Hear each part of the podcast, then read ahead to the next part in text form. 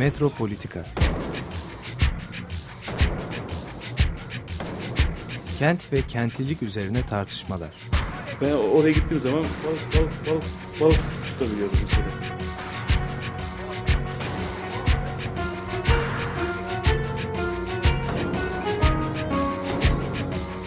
Hazırlayan ve sunanlar Aysim Türkmen ve Deniz Gündoğan İbrişim. Terk etmedi Perşembe Pazarı merkezini.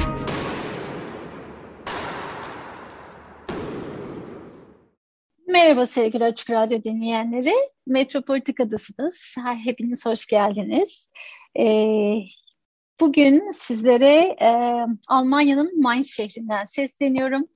E, Institute for World Literature e, yani Dünya Edebiyatı Enstitüsü e, yaz okulu diyeceğim artık e, aslında e, bir ay sürecek olan e, hummalı seminerlerden e, panellere e, ve aslında misafir e, öğretim üyelerinin konuşmalarına değin. E, bir aylık e, Dünya Edebiyatı Enstitüsü'ndeyim.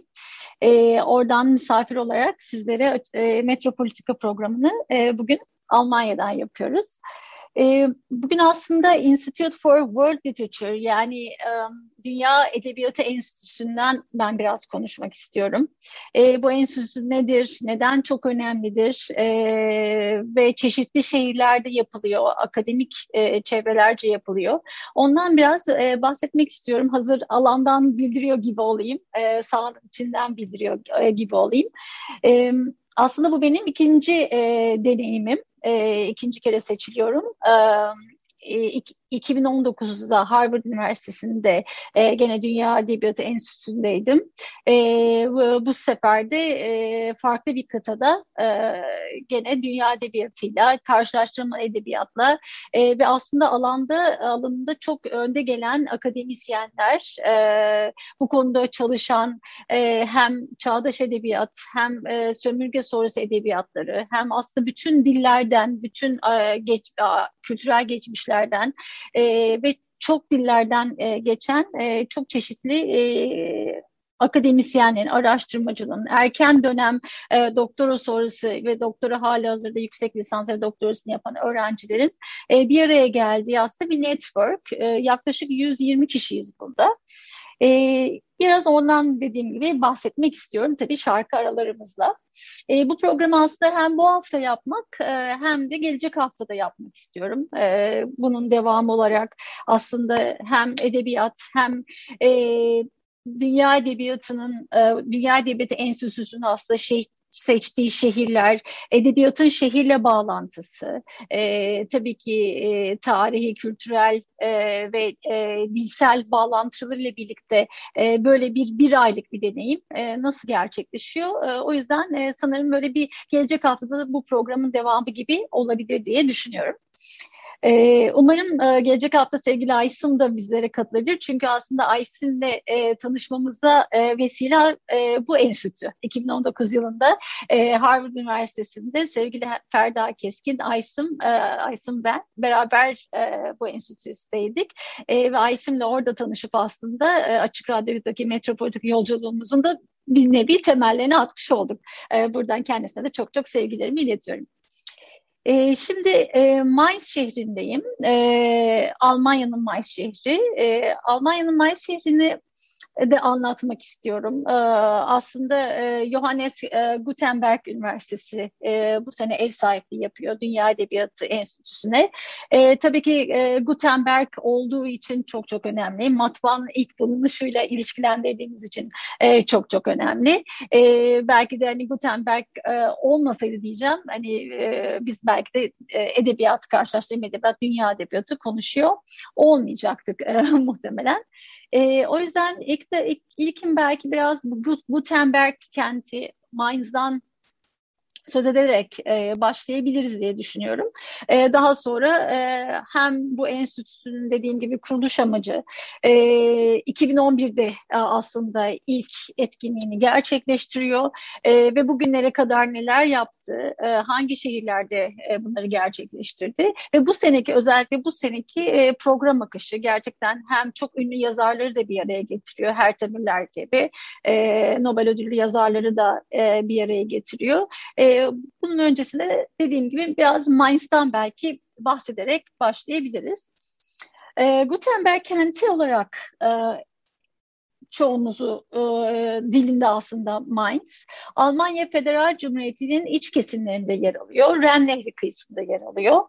E, Renania Pal Palatina eyaletlerinin başkenti ve aslında eyaletlikte en büyük kent Mainz e, Alman Federal Cumhuriyeti'nde e, önde gelen kültür merkezlerinden biri. E, özellikle Almanya'da karnavalın e, e, sayalı kalelerinden bir tanesi. E, e, çok ünlü bir karnavalı var e, Mainz'ın e, ve aslında neredeyse yılın çoğu zamanı bu karnavala e, hazırlanarak geçiriyorlar. E, çok verimli Ren Vadisi'nin e, tam kıyısında bulunuyor ve ticaret merkezi de aynı zamanda Mainz. E, Avrupa'nın belli başlı deniz, demir, hava ve karayollarının kesiştiği bir nokta. E, bu anlamda da gene çok çok önemli e, ve aslında Frankfurt'a da çok yakın. E, Frankfurt'a trenle 15 dakika gibi bir kısa bir sürede ulaşabiliyorsunuz e, ve dolayısıyla Avrupa'nın aslında en büyük ve en işlek havaalanlarından biri olan e, Frankfurt Havaalanı'na da e, yakınlığı sebebiyle de çok tercih edilen bir bölge. E, Mainz'da çok önemli bir medya merkezi var. Aslında e, bu medya merkezi de e, bu Dünya Edebiyatı Enstitüsü'ne de el vermiş durumda. E, ondan da biraz bahsedeceğim. E, İkinci Alman televizyon kanalı yani e, ulusal ikinci Alman televizyon kanalı ZDF aslında burada. E, diğer Alman televizyon kanalları Sat 3, e, SW3 gibi diğer Alman televizyonlarıyla birlikte e, aslında Mainz medya, Alman medyasına da ev sahipliği yapıyor diyebiliriz. E, tabii aslında en belki de e, can alıcı e, kısım Mainz'da matbaa icat eden ünlü mucit e, Johannes Gutenberg'in doğduğu kent olma özelliğine de sahip. E, kentin merkezinde e, ve kenar mahallelerinde aslında e, Gutenberg'e e, adanmış e, türlü e, kültür faaliyetleri, işte etkinlikler, e, onları görebiliyorsunuz. E, ve tabii ki üniversite, buradaki üniversite çok çok eski bir üniversite e, ve yaklaşık 35 bin öğrencisiyle birlikte e, bir bilim ve araştırma metropolü olarak da e, söz ediliyor Mainz'dan. E, ve bir yanı da aslında çok belki de bilinmeyen e, bize de katılımcılara da e, iki gün önce biraz gezdirdiler. Alman şarap ticaretinin de en önemli merkezlerinden biri Mainz. E, Mainz bölgesinde inanılmaz e, şarap e, üretimi, e, üzüm bağları e, bulunuyor. E, ve aslında Almanya'nın e, şarap bunun neredeyse yarısından fazlası Mainz bölgesinden geliyor ve Ren Nehri kıyısından geliyor aslında. E, tabii ki İkinci Dünya Savaşı sırasında e, neredeyse tamamen e, yerli bir olmuş. E, bombardımanlar sonucu çok çok büyük bir yıkıma uğramış kent. E, e, özellikle sinagoglar e, çok büyük yıkıma uğramış. E, ama savaştan hemen sonra başlatılan restore çalışmaları ile e, kent adeta özellikle e, Eskişehir denilen Alstat bölgesi e, tekrar yapılandırılmış. E, aslında biraz daha belki daha e, sonra da bahsedeceğim ama e, Yahudi kültürü Mainz'da çok çok önemli. E, aslında e, neredeyse Orta Çağ dönemi, neredeyse değil Orta Çağ dönemine giden e, bir e, Yahudi merkezinin yaşamı e, var e, bu şehirde. E, Speyer, Worms ve Mainz şehirlerindeki Yahudi toplulukları aslında bunlar böyle bir kuzeyden güneye bir hat çiziyorlar. Orta Çağ döneminde Yahudi yaşamın merkezi haline gelen şehirler birbirini oluşturuyordu. bunlar aslında İbranice isimlerin ilk harflerinden oluşan şehirlerdi. E, Mainz'ın uzun tarihindeki en görkemli dönemlerinden biri 900'lerin başında e, ve daha aslında çok daha öncesine giden e, bir dönem. E, karanlık çağların ardından e, nispeten güvenli ve aydınlanmış e, bir e, Karolinj dönem var. E, Mainz'da Orta ve Batı Avrupa'nın çoğuna barış ve e, refah geliyor bu dönemde. E, ve sonraki 400 yıl boyunca Mainz ticaretin gelişmesiyle birlikte pek çok Yahudi'yi kendine çekiyor. En çok Yahudi öğretmenler, hahamlar e, aslında Rene akın ediyor. Öğretileri, diyalogları, kararları, etkileri Mainz veren boyunca komşu kasabaları dünya çapında öne çıkıyor. ee, aslında bu burayı biraz Bağdat gibi de düşünebiliriz. Çünkü şöhretleri Bağdat gibi diğer aslında diaspora sonrası şehirlerinkiyle de rekabet ederek yayılıyor o dönemlerde. Ee, 10. 10. yüzyılda da e, e, Gershon Ben e, tarafından da bir yaşiva kuruluyor burada ve gerçekten de e, as, esasen e, Yahudi kültürünün merkezi haline geliyor e, Avrupa Yahudiliğinin başkenti olarak hatta adlandırılıyor. E, aslında e, sokaklarda gezerken de e, bu tarihin izlerini çok çok bulabiliyorsunuz. E, çok eski orta çağlara kadar giden e, Yahudi mezarlıklarının içinden geçebiliyorsunuz ve aslında mezarlar e, gerçekten kent yaşamının da çok önemli e, hale gelmiş, bir parçası haline gelmiş.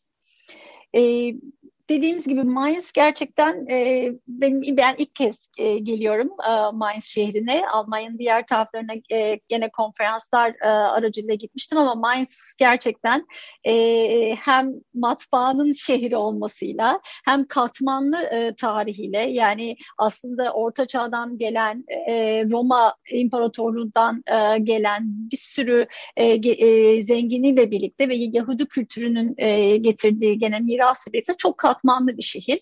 Tam da belki bu yüzden e, edebiyata, e, dünya edebiyatına, dünya dillerine, dünya kültürlerine belki de onları tartışmak, onları açmak için de e, çok güzel bir yer e, diyebiliriz. Peki şimdi e, dünya edebiyatı enstitüsünden e, biraz belki bahsederek e, programı akışını e, götürebiliriz.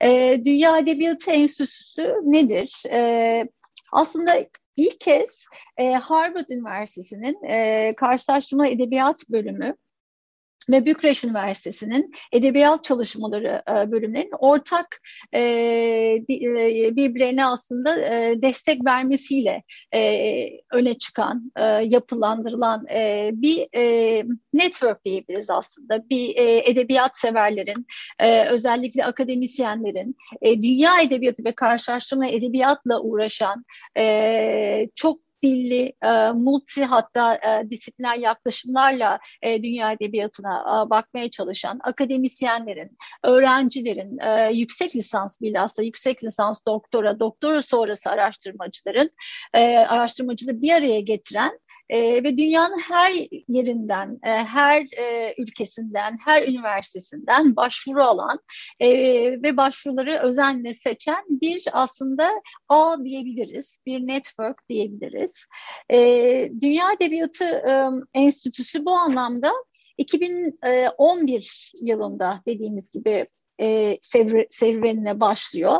2011 yılında ilk kez e, Pekin'de gerçekleşiyor. Daha sonra İstanbul 2012, gene Harvard, e, asıl merkezi Harvard Üniversitesi, asıl merkez aslında Harvard. E, senelere göre farklı e, enstitülerde, farklı ülkelerde bu enstitü gerçekleşiyor. Ama üç senede bir evine geri dönüyor. Harvard Üniversitesi'ne, e, e, Boston'daki Harvard Üniversitesi'ne geri dönüyor. 2013'te Harvard, 2014'te Hong Kong'da düzenleniyor. 2015'te Lisbon'da düzenleniyor. 2016'da gene evine dönüyor, Harvard'da düzenleniyor. 2017'de Kopenhagen, 2018'de Tokyo, 2019'da Harvard, 2019 Harvard'dakinden sonra e, sanırım dediğim gibi e, e, ben de o e, dönem me katılmıştım. E, gene çok muazzam bir enstitüsüydü.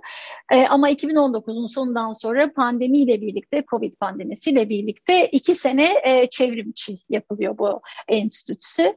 E, iki senenin ardından ilk kez e, bu sene hepimiz Mainz'da fiziksel olarak buluşuyoruz.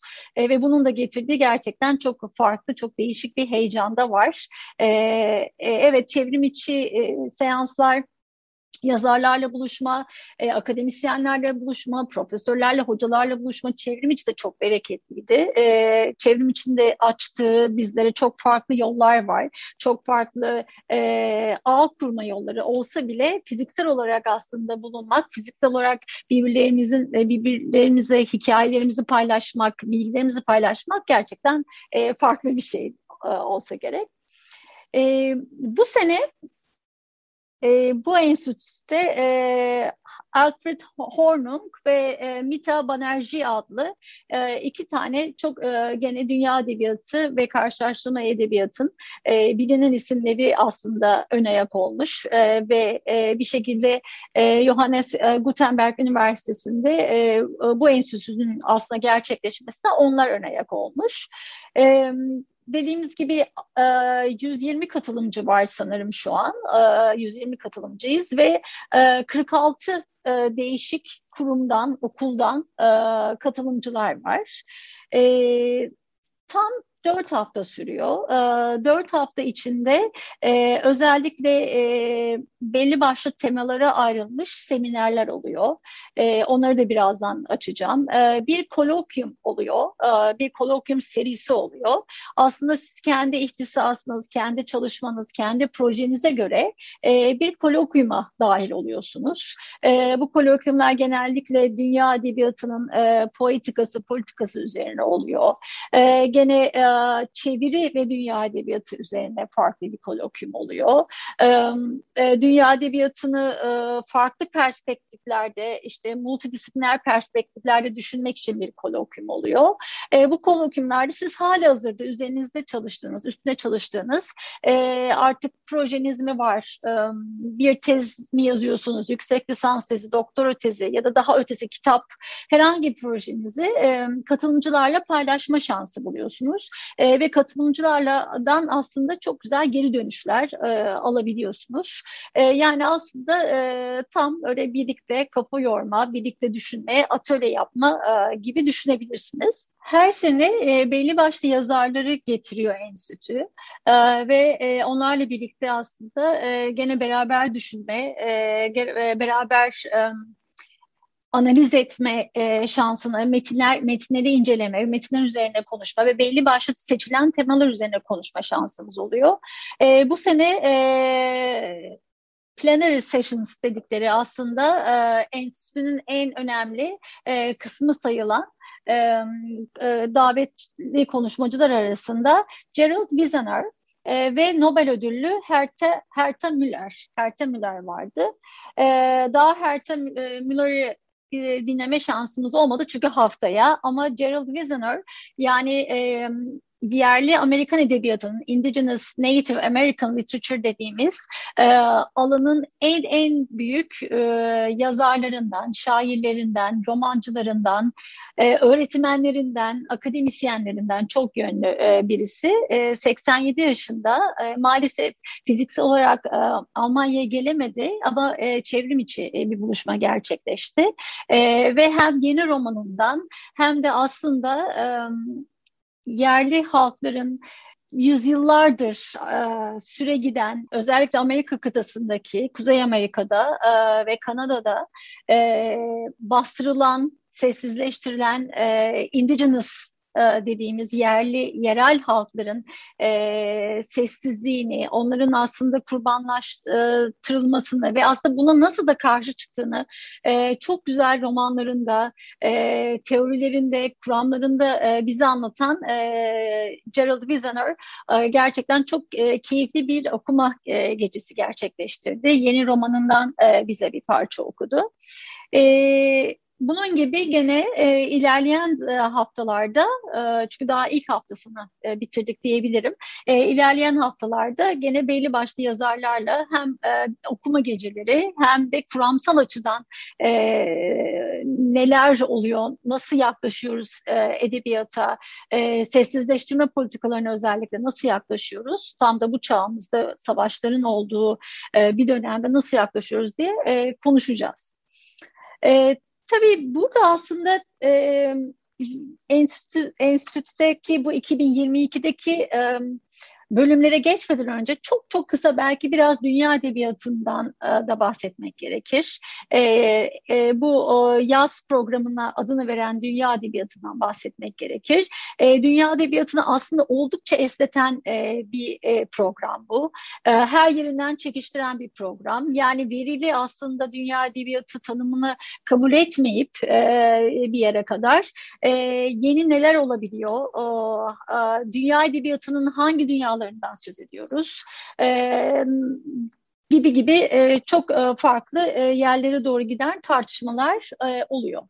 E, tabii dünya edebiyatını e, hep açıklarken e, ve e, bu kavramı e, anlatmaya çalışırken 19. yüzyıla gidiyoruz. E, Goethe'nin e, White literatürü tartışmaya açmasıyla birlikte dünya edebiyatının aslında kurumsal açıdan, kuramsal açıdan e, günümüzde değil nasıl yeniden daima yeniden tanımlandığından da e, bahsediyoruz. E, ve aslında bu kavram e, tam da bugün de e, Türkiye Edebiyatı'nda da çok tartışılmaya başlandı. Türkiye Edebiyatı'nın da dünya edebiyatı içinde nasıl değerlendirdiğimizi çok konuşur hale geldik. E, yani aslında tam da Göte'nin e, deyimiyle artık ulusal edebiyat kavramının anlamsızlaştığını, e, dünya çağına girdiğimiz için e, herkesin de bu çağa ayak uydurması için yabancı ülkelerin yani artık ulusal sınırın dışına da taşan edebiyatlara e, vakıf olmamız gerektiğinden bahseder e, Göte 1827'de e, tanımını yaparken. E, ve der ki e, kadim bir misal gibi bir, bir başyapıt gereksinimi duyduğumuz zaman insanlığın aslında güzelliğini anlatan antik çağ Yunan eserlerine dönüp bakmalıyız der. E, bunların dışındakileri de tarihsel açıdan incelemeliyiz ve bu iyi yapıtlardan da olabildiğince çok şey öğrenmeliyiz der. Yani tam da aslında 19. yüzyılın modernizmin oluştuğu dönemlerde ulus devletin aslında e, modernleşmeyle birlikte kendini en e, canlı gösterdiği e, zamanlarda ulusal sınırların dışına nasıl çıkmamız gerektiğini ama gene de batı odaklı bir referans noktasından yaklaşarak verir. Antik çağ Yunan eserlerine nasıl dönüp bakmalıyız der. Tabii ki Göte'nin tanımından sonra dünya edebiyatının tanımı oldukça genişledi. Göte'nin bize verdiği aslında muazzam bir çıkış noktası var. Ama onun tabii ki akabinde e, Göte'nin biraz daha daha belki hani Batı'yı öne çıkaran e, dünya edebiyatı tanımından ziyade aslında hani Batı odaklı olmayan belki de Avrupa santrik diyebileceğimiz e, odaklı olmayan dünya edebiyatına e, ya da dünya edebiyatları diyeceğimiz tarihe e, nasıl ulaşabiliriz e, diye aslında e, pek çok eleştirmen bunlar hakkında e, şu ana kadar çok çok çalışmaya çalıştı. E, tabii ki David Damrosch, e, Dünya Edebiyatı Enstitüsü'nün kurucusu David Damrosch, Emily Apter, Amir Mufti, e, postkolonyal sömürge sonrası tarafından yaklaşıyor. Eri Harubach tabii ki e, karşılaştırma edebiyat ve dünya edebiyatını okuyor. Pascal Casanova, e, Fransız ve Paris merkezli, Fransa ve Paris merkezli açıdan dünya edebiyatına yaklaşıyor. E, ve aslında Susan Stanton Friedman dünya edebiyatının e, bütün söylenceleriyle birlikte aslında çok da çok da nasıl diyelim e, küresel olmadığını, aksine Batı emperyalizmi yeniden ürettiğini e, tartışıyor. E, Friedman'la birlikte aslında e, bir şeyler de değişmeye başlıyor. Çünkü e, dünya edebiyatının hangi dünyalarından bahsediyoruz? E, dünya edebiyatının e, Batı merkezciliğine e, gerçekten tanıyabiliyor muyuz? E, ve aslında sömürge söyleminin tekrar tekrar nasıl ortaya çıkarttığını görebiliyor muyuz? Örneğin Afrika, Güney Asya, Orta Doğu metinlerini e, daha yakın okuyarak e, dünya edebiyatı içine e, sokabiliyor muyuz e, diye aslında e, Susan Friedman bize çok farklı bir dünyanın da kapılarını aralıyor. Tabii ki dünya edebiyatını bu kadar kısa bir zamanda çok detaylı açamayacağız ama en azından Göte'nin mirasından Avrupa'ya kadar, David Damrosch'un dünya edebiyatının ancak ve ancak çevrilerek bize geldiğini ve biz dünya edebiyatının çeviride, dolaşımda ve küresel pazarda tanıdığımız anlamıyla e, bize ulaştırarak ve aslında daha sonra David Dunbar'ın da çok çok daha ötesine geçen e, sömürge sorusu toplumlarda özellikle e, Hint asıllı yazarların e, bakışıyla birlikte daha farklı şekillenen, e, biraz daha batı odaklı merkezi dışına çıkmayı amaçlayan e, pek çok tanıma oldu e, dünya edebiyatının. Aslında bu dünya edebiyatı enstitüsü de tam da e, bu bütün bu mirası hem kucaklıyor e, diyebiliriz hem de bu mirası e, birazcık çelme takmaya çalışıyor aslında. E, tabii ki katılımcıların getirdiği çok farklı kültürel, e, dilsel, coğrafi e, farklılıklarla beraber bütün bu farklılıklarla dünya edebiyatı kavramının hem sorunlarına eğiliyoruz e, hem hem de bu e, e, edebiyatta, e, dünya edebiyatında tam da yaşadığımız aslında göçmen sorunlarının gerçekten önümüzde bir dağ gibi yığıldığı çağda, antroposenin, antroposen çağının türlü türlü getirdiği farklı sorunlar, iklim krizi, çevresel tehditler karşısında, mülteci dediğimiz e, ve gerçekten hani e, çok farklı kırılımları, farklı dinamikleri olan e, bir çağda dünya edebiyatı nereye gidiyor? Hangi dünyaları okuyoruz diye e, Göte'nin tanımından yola çıkarak aslında onu kat kat kat e, genişlettiğimiz e, bir bir aylık e, süreç önümüze açılıyor diyebiliriz. E, ben e, Dünya Edebiyatı e, 2022 e, bu yaz programının e, böyle tematik olarak şekillenen ve gerçekten çok güzel e, şekillenen e, haftalık programlarına geçmeden önce çok kısa bir şarkı arası da vermek istiyorum açıkçası. E, madem Almanya'dayız, e, dünya edebiyatından konuşuyoruz, Mainz'dayız. E, Mainz'a da çok sık sık e, gelen ve e, orada konser, e, burada konser verdiğini e, yeni öğrendiğim e, Berliner e, Moment, Berliner Moment aslında e, grubu var. E, Knopf'la Kleismer benden gelsin, Göcek. Tekrar merhaba sevgili Açık Radyo dinleyenleri. Metropolitika'dasınız. Berliner Moment, Knopfler Klasmerben'den dinledik Göcek. E, bugün e, sizlere Almanya'dan, Mainz şehrinden e, sesleniyorum. Dünya Edebiyatı Enstitüsü, Institute for World Literature e, yaz e, okulundan diyeceğim gene. Yaz e, programından sesleniyorum.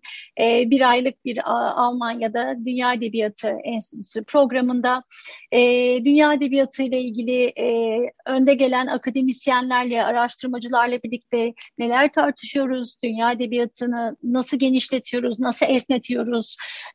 Ve gerçekten çok farklı arka planlardan, çok farklı kültürel geçmişlerden, e, pedagojilerden, eğitimlerden geçen e, birçok akademisyenlerle yaklaşık e, 100-120 kişilik bir grupla e, bir aylık bir programda e, dünya edebiyatı ile ilgili neler konuşuyoruz? Biraz onlardan bahsediyorum bugün e, sizlere. Ee, dediğim gibi seminerlerin biraz daha içeriğine girersek aslında e, özellikle ilk hafta yani e, 4 Temmuz ve 14 Temmuz haftasında e, nelerden bahsediyoruz? E, mesela edebiyat ve dünya edebiyatın sınırları, e, sömürgeci söylemler ve sömürge tarihleri üzerine e, bir, bir haftalık bir seminer var. E, kozmopolitanlık üzerine, kozmopolitanlığı e, dünya edebiyatıyla birlikte tekrar nasıl okumamız gerektiğine dair aslında kozmozu da birazcık açan, e, kimin e, vatandaş sayıldığı, kimin dünya vatandaşı sayıldığını e, açan e, ve dünya edebiyatının tam da bu e, söylemlerin içinde tartışmaya hedefleyen e, kozmopolitanlık ve dünya edebiyatı semineri var. E, Thomas Clavier veriyor onu.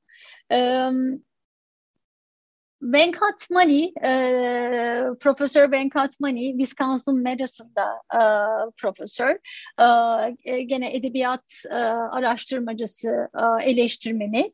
E, mülteciler ve dünya edebiyatı üzerine çok çok güzel bir seminer veriyor. Ben de bu semineri özellikle aldım.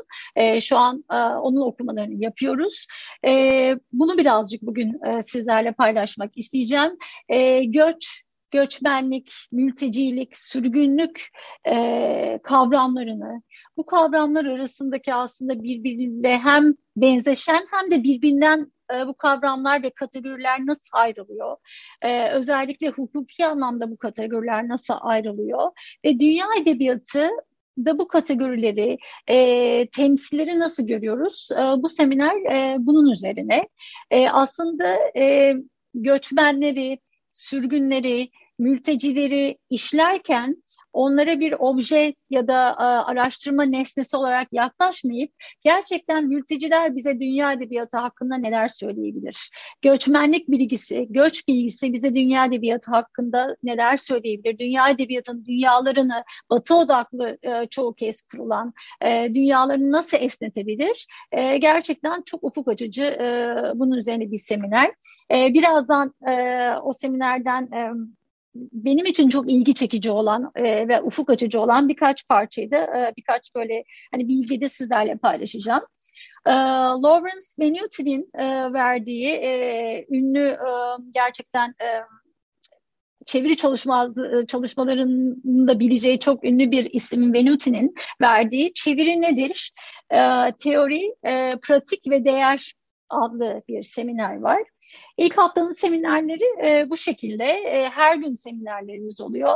E, sabah e, 9'dan akşam e, 4'e kadar ya da öğlen 2'den akşam 6'ya kadar e, seminerlerde e, bir e, seçilen o okuma e, paketimiz var.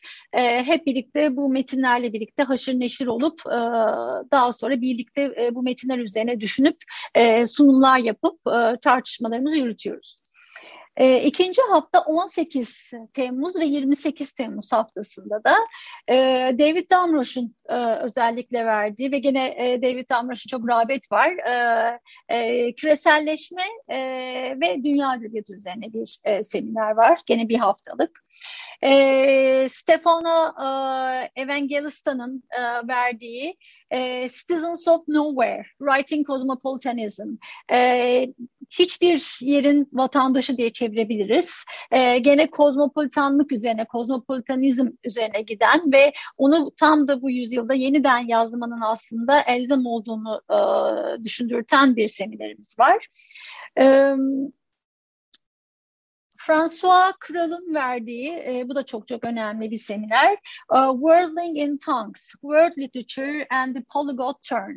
Uh, yani aslında dünya edebiyatını dünya edebiyatı yaratma biçimlerini e, çok dillilik üzerine inşa eden ve çok dilli e, e, çağın getirdiği e, söylemler üzerine inşa eden e, önemli bir seminer. E, Galen e, Tihanov'un verdiği e, Exilic Writing and the Making of World Literature. Yani gene sürgün e, tecrübeleri, sürgünlük tecrübelerinden yola, çıkarak e, sürgünlük anlatıları ve dünya edebiyatını oluşturmak, dünya edebiyatından e, söz etmek adlı e, seminerler var. E, bunların dışında e, programın birinci kısmında da biraz söz ettiğim gibi e, her e, katılımcının kendi e, hali hazırda üzerine çalıştığı projesi e, ki bu kitap projesi olabilir, doktora tezi olabilir, yüksek lisans tezi olabilir ya da daha farklı bir e, proje olabilir. Onu e, katılımcılara sundu e, ve gerçekten de hani e, bütün e, katılımcıların birlikte düşünebildiği e, bir kolokvium e, serisi var. E, kolokvium serileri de aslında e, belli temalara ayrılmış durumda. Ee, özellikle gene onlardan da çok kısa kısa en azından başlıklarını size paylaşmak isterim. Ee, dünya edebiyatının politik e, politikası ve poetikası üzerine e, bir e, kolokviyum var. E, sömürge e, sonrası ve e, dünya edebiyatı üzerine bir kolokviyum var. E, üretim, e, dağıtım, e, pazar, küresel pazar ve dünya edebiyatı üzerine bir kolokviyum var. E, sosyoloji ve dünya edebiyatı e, temalı bir kolokviyumumuz var. E, dünya edebiyatı ve tabii ki çeviri üzerine bir kolokviyum var. Dünya edebiyatı ve sinema aslında dünya sineması üzerine e, bir kolokviyum var. E, bu kolokviyumlarda her hafta e, gene seçilen gruplar içinde buluşup aslında bir atölye tadında dediğimiz gibi birlikte hem hali hazırda üzerine çalıştık çalıştıkları projelerini paylaşıp birbirlerinden de çok güzel geri dönüş alabiliyorlar. Programın sonuna doğru özellikle e, Venkat Mani'den aldığım e, mülteciler, göçmenler, mülteciler ve dünya edebiyatı üzerine e, ki seminerden böyle birkaç bir şeyi paylaşmak isterim. E, bu seminerde gerçekten şunlar e, çok ufuk açıcı oluyor. İlk önce sürgün, sürgünlük, göç, göçmenlik, e, nedir gerçekten? Kavramsal e, tarihlerine, kavramsal olarak birbirinden nerelerden ayrıldığına e, bakıyoruz. E, ve ilk okuduğumuz metinde Hannah Arendt'in e, Biz e, Mülteciler, We Refugees e, metniyle açılıyor e, seminer. E, Arendt'in 1943 yılında yazdığı aslında Holocaust, e, Yahudi soykırımı sonrası yazdığı e, çok çok önemli bir metin. E, ve daha sonra e, Edward Said'in e, sürgünlük üzerine e, düşündükleriyle devam ediyoruz. Reflections on Exile e, ve daha sonra aslında e, çok e, gerçekten enteresan metin. E, göçmenin zamanı, The, The Migrant's Time, e, Guha'nın, e, Ranjahit Guha'nın metinine ilk hafta devam ettik. Yani aslında e, biraz daha göçmenlik, e, sürgünlük ve göç e, kısımlarını kavramsal olarak açmaya çalıştığımız e, bir haftaydı. E, benim ilgimi en çok çeken aslında e, ve çok düşündüğümüz e, şeylerden biriydi. E, belki de bu seminerde biraz daha onlar e, sağlamlaştırıldı ve pekiştirildi.